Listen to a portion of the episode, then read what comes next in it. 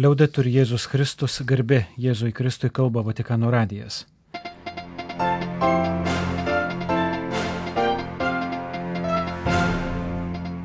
Malonus klausytojai šioje programoje.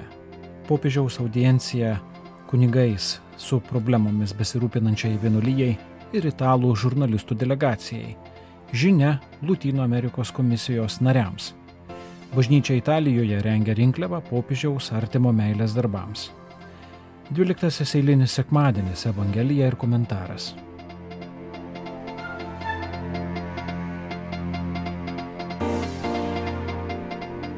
Birželio 24 dieną popiežius Pranciškus audiencijoje priemė Parakleto tarnų kongregacijos narius, dalyvaujančius generalinėje asamblėjoje Romoje. Šią kongregaciją 1947 metais Naujosios Meksikos valstijoje JAV įkūrė kunigas Geraldas Fitzgeraldas. Kongregacijos reabilitacijos centrų misija yra padėti sunkumų turintiems kunigams. Iš pradžių į šios centrus buvo priimami į priklausomybės patekę kunigai arba palūžę emociškai, o vėliau ir seksualinių nepilnamečių išnaudojimų nusikaltę dvasininkai bei vienuoliai. Animati dunque dalla grazia propria del capitolo, vi proponete di trovare strade nuove. Skatinami kapitolos malonės, ieškote naujų gailestingumo būdų ir artumo, kad dinamiškai ir ištikimai toliau įgyvendintumėte savo charizmą sakė popiežius audiencijos dalyviams, kurie, anot jo, po piknaudžiavimo dramų dalyvauja bažnyčios apsivalymo kelionėje, paskiria savo gyvenimą kai kurių kunigų ir vienuolių palydėjimui, kiekvienam pasiūlant askezės, atsivertimo, dvasios ir pašaukimo atnaujinimo galimybę.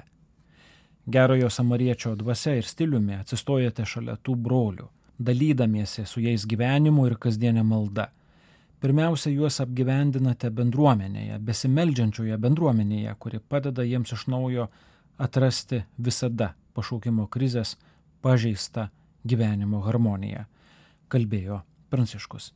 Jis linkėjo, kad parakleto tarnų ir jų globojamų kunigų bei vienuolių tarpe pirmumas tektų maldai, nes ši atveria duris šventosios dvasios vadovavimui mūsų gyvenimams. Šventoji dvasia, apšviečianti dviveidystę, gydo mūsų neištikimybę. Būkite Jėzaus Kristaus, tėvo gailestingumo veido atvaizdais, sakė popiežius audiencijos dalyviams. Galima pridurti, kad Parakleto kongregacijos steigėjas 1969 metais miręs kunigas Geraldas Fitzgeraldas buvo vienas iš pirmųjų, kuris kalbėjo apie tai, kas šiandien yra vadinama nulinė tolerancija seksualiai išnaudojusiųjų kunigų atžvilgių. Priešingai nei mane daugelis to laikotarpio psichologų ir ganytojų, jis buvo įsitikinęs, jog terapijos programos ar moralinės atgailos nepakanka, kad būtų pašalinta naujų nepilnamečių išnaudojimų atvejų rizika. Jie galėtų būti reintegruoti ir sugražinti į silovadinę tarnystę. Jo nuomonė, išdėstyta ne viename laiške, taip nusikaltę kunigai neturi turėti jokių kontaktų su vaikais ir net su suaugusiaisiais. Pasak amerikiečio dvasininko, tokių kunigų sąmonė labai manipuliatyvi, atgaila paviršutinė, o seksualiniai impulsai stipresni už kitus veiksnius. Dėl kitų saugumo ir jų pačių sielos išganimo jiems būtų geriausia likusi laiką gyventi izoliuotoje vietoje, galbūt tarp vienuolynų sienų ar pavyzdžiui saloje. Tėvas Geraldas Fitzgeraldas rimtai svarstė galimybę įsigyti nedidelę salelę Karibuose, kurioje tokie kunigai galėtų būti apgyvendinti. Ir jo nuomonė daugelis turėtų būti visai pašalinti iš kunigystės. Tačiau jo idėjos kitiems atrodė per radikalios, grįstos emocijomis, neturėjo ir didesnės to meto psichinės veikatos specialistų bei mokslinės literatūros paramos. Bet praėjus keliasdešimčiai metų ne vienas šio kunigo siūlymas tapo norma ir taisyklė bažnyčios gyvenime. Birželio 24-ąją Pranciškus audiencijoje priėmė italų žiniasklaidos atstovus ir premijas žurnalistams skiriančio Biadžio Anijas fondo narius. Žurnalizmas, anot popiežiaus, neturi būti vien paprasta istorijos apskaita. Geras žurnalistas nėra abejingas tam, ką mato. Pranciškus priminė savo nekartą sakytą pastabą, jog dirbdamas savo kasdienį darbą žurnalistas turi nutrinti batų padus. Nors šiandien daug kelių yra skaitmeniniai, visada galioja juose sutiktų asmenų išklausimo principas. Taip pat smalsumo, atvirumo ir aistringumo nuostatos. Popiežius citavo tai, kas pabrėžiama skiriant karo žurnalisto premiją - dėmesys įvykiams, konfliktų tragedijoms ir absurdiškumui, leidžiantis visiems pajusti tą pačią kančią. Popiežius paminėjo tris dalykus, kurie jo nuomonė tiesioginiu ar simboliniu būdu yra reikšmingi žurnalisto darbui. Tai užrašų knygutė, rašiklis ir žvilgsnis. Fakto užsirašymas visada apima ir vidinį aspektą buvimą liudytojų arba liudytojų išklausimą, rūpestį, fakto tikrumu ir patikimumu. Žurnalisto užrašų knygutė tarsi sako, kad jam svarbu išklausyti kitą ir kad jis leidžia, kad jį paliestų tai, kas vyksta. Geras žurnalistas nėra paprastas istorijos apskaitininkas, bet tas, kuris nebejingai pats išgyvena istorijos įvykius. Tiesa, kad rašikliu naudojamasi vis rečiau, jį keičia kitos priemonės. Vis dėlto verta atsiminti, jog rašymas jungia galvą ir rankas, praeitį ir dabartį. Žurnalistas su rašikliu atlieka amatininko darbą. Pildo, brauko, tikslina, svarsto, perrašo. Tekstas yra tarsi audinys, kurio audime dalyvauja protas ir sąžinė, kuris apima tiesos iškojimą ir profesinę etiką.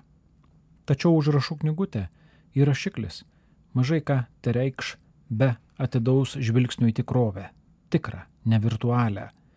Šiandien labiau nei praeitie mūsų gyvenimą rizikuoja užteršti, iškraipyti žodžiai, vaizdai ir žinios.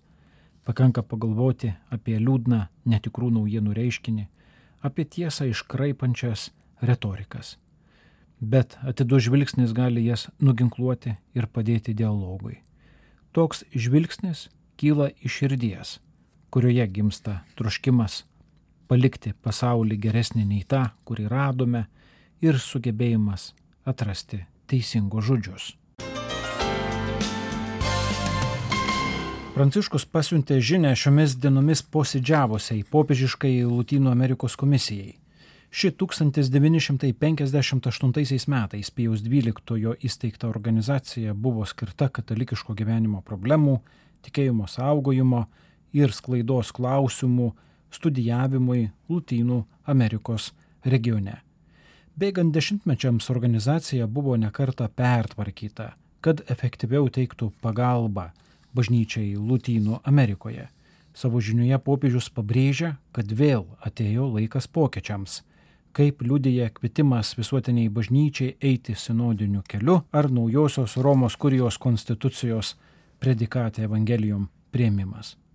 Ši konstitucija, rašo Pranciškus, apima visų mūsų, dirbančių visuotinės bažnyčios valdyme, misionieriško ir sinodinio atsivertimo procesą. Be širdies atsivertimo reformos lieka tik administracinės arba procedūrinės. Mums visiems reikia keisti savo gyvenimą kad bažnyčia galėtų aiškiai parodyti tikrąjį Jėzaus Kristaus veidą. Pranciškus ragino Lotynų Amerikos regionui skirtos komisijos narius atidžiai studijuoti tenykštę situaciją ir svarstyti, kaip regiono bažnyčioms gali padėti Šventojo sosto institucijos.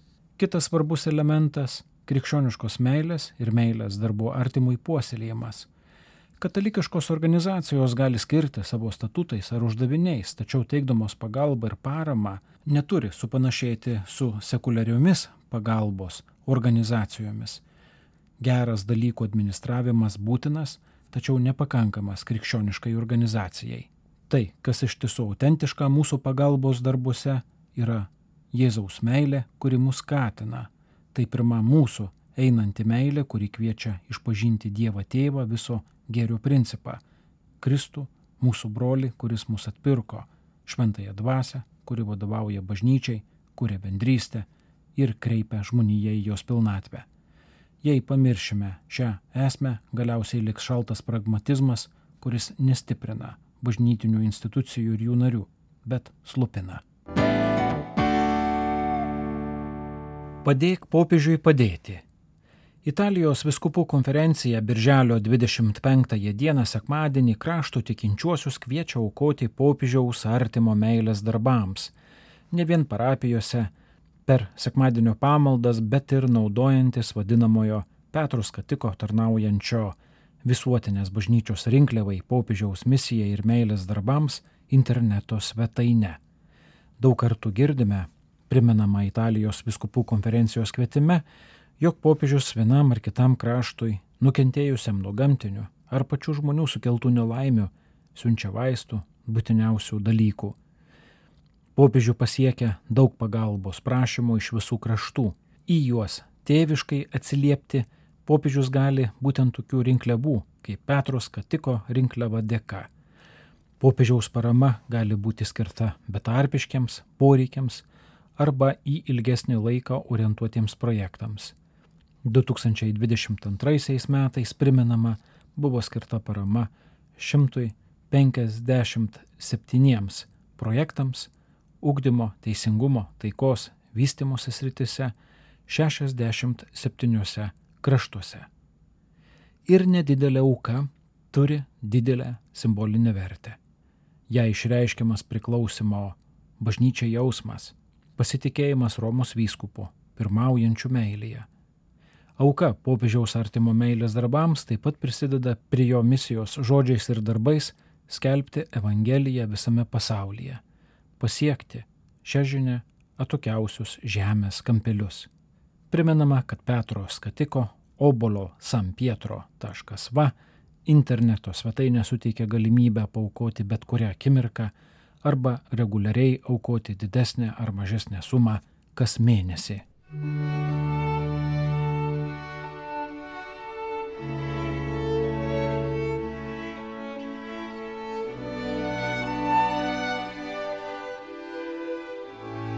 Dvyliktojo eilinio sekmadienio skaitinys iš Evangelijos pagal matą. Taigi nebijokite jų, juk nieko nėra uždengta, kas nebus atidengta ir nieko paslėpta, kas nepasidarys žinoma. Ką jums kalbu tamsoje, sakykite vidurdienos ir ką šnipždu jausi, garsiai skelbkite nuo stogų. Nebijokite tų, kurie žudo kūną, bet negali užmušti sielos. Verčiau bijokite to, kuris gali pražudyti ir sielą, ir kūną pragare. Argi ne du žvirbliai parduodami už skatiką? Ir vis dėlto nei vienas iš jų nekrinta žemėn be jūsų tėvo valios. O jūsų net visi galvos plaukai suskaityti. Tad nebijokite. Jūs vertesni už daugybę žvirblių. Kas išpažins mane žmonių akivaizdoje ir aš jį išpažinsiu savo tankiškojo tėvo akivaizdoje. O kas išsigins manęs žmonių akivaizdoje ir aš jo išsiginsiu savo dangiškojo tėvo akivaizdoje. Girdėjote viešpatė žodį.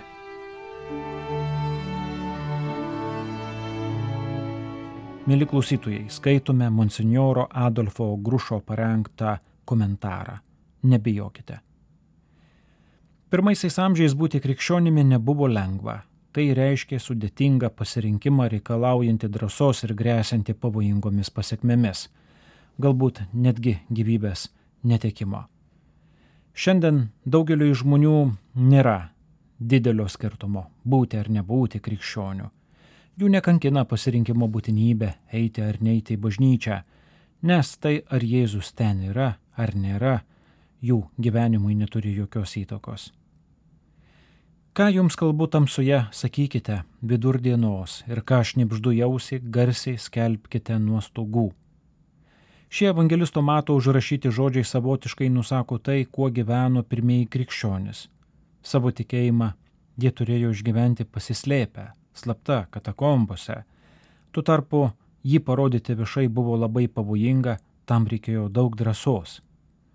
Todėl Jėzus ir drąsina savo sekėjus.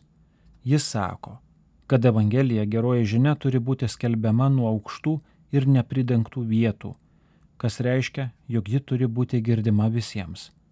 Dievo žodis turi kvepėti ne mūsų zakristijos milkalais, bet ir mūsų gatvių, mūsų miestų alėjų kvapais.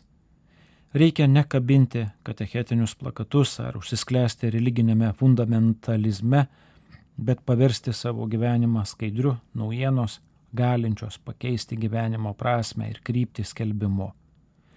Žodžio erdvė, rūpinimasis vidumi negali būti suvesti į 50 sekmadienio mišių minučių, bet turi tapti gėje jungiančią įvairiausias savaitės akimirkas. Nesvarbu, ką beveiktume, tačiau niekuomet negalime Evangelijos užrakinti pasąmonės stalčiuje, kurį atsidarome tik prie bažnyčios durų. Šiuolaikinė kultūra bandė sunaikinti religiją, tačiau tai jai nepavyko. Tuomet buvo sugalvota subtilesnė strategija - religijos faktą perkelti vieną į žmonių sąžinę, į asmeninės rytį. Dabar didžioji visuomenės dalis mano, jog tikėjimas yra žmogaus išgalvotas įsitikinimas, todėl jam skirta vieta tarp kitų išsigalvotų asmeninių idėjų. Jei krikščionybė nukeliama tik į intimę sąžinę sferą, ji te turi tiek vertės, kiek kalėdų senelis. Kita vertus mes žinome, jog Jėzus Kristus yra istorinė asmenybė ir todėl jį išpažįstame. Šiandien girdime Evangelijos skaitinėje, jog Jėzus nekvečia mūsų demonstruoti savo tikėjimo, bet prašo nebijoti gyventi tuo, ką širdies gilumoje atradome kaip tiesą. Argi ne du žvirbliai parduodami už skatiką ir vis dėlto nei vienas iš jų nekrinta žemėn be jūsų tėvo valios. Norėdamas savo sekėjams įkvėpti pasitikėjimą Dievu, Jėzus kalba apie paukščius, nes jie žydų religijoje buvo laikomi pačiomis nereikšmingiausiamis būtybėmis ir vieninteliai nebuvo palaiminti. Evangelija pasitelkdama žvirblių įvaizdį mus nuramina. Dievas, kuriam rūpi net mažiausias žvirblis, dar labiau rūpinasi kiekvienu savo vaiku.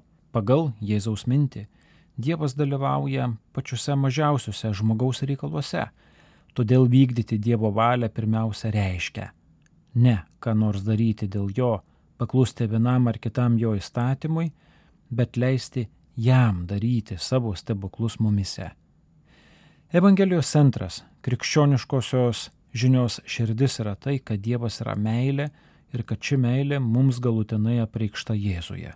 Todėl Dievas nenori blogio, neleidžia kentėti, tik trokšta, kad jo meilė apsireikštų mūsų gyvenime net jei jam pačiam tai kainuotų kryžiaus auką. Iš tiesų, ne Kristaus kančia mus atpirko iš blogio, bet jo meilė mums, meilė, kuri nuėjo taip toli, kad jis atidavė savo gyvybę ant kryžiaus. Anot apaštulo Pauliaus laiško Galatams, Kristus pamilo mane ir atidavė save už mane. Todėl Jėzus mokiniams tris kartus sako, nebijokite. Mums nereikia nieko bijoti, kad ir kas nutiktų, kad ir ką išgyventume, visuomet galime sakyti savo, tai skirta gyvenimui. Tegul aš to ir nesuprantu, bet nebijau, nes jis yra šalia.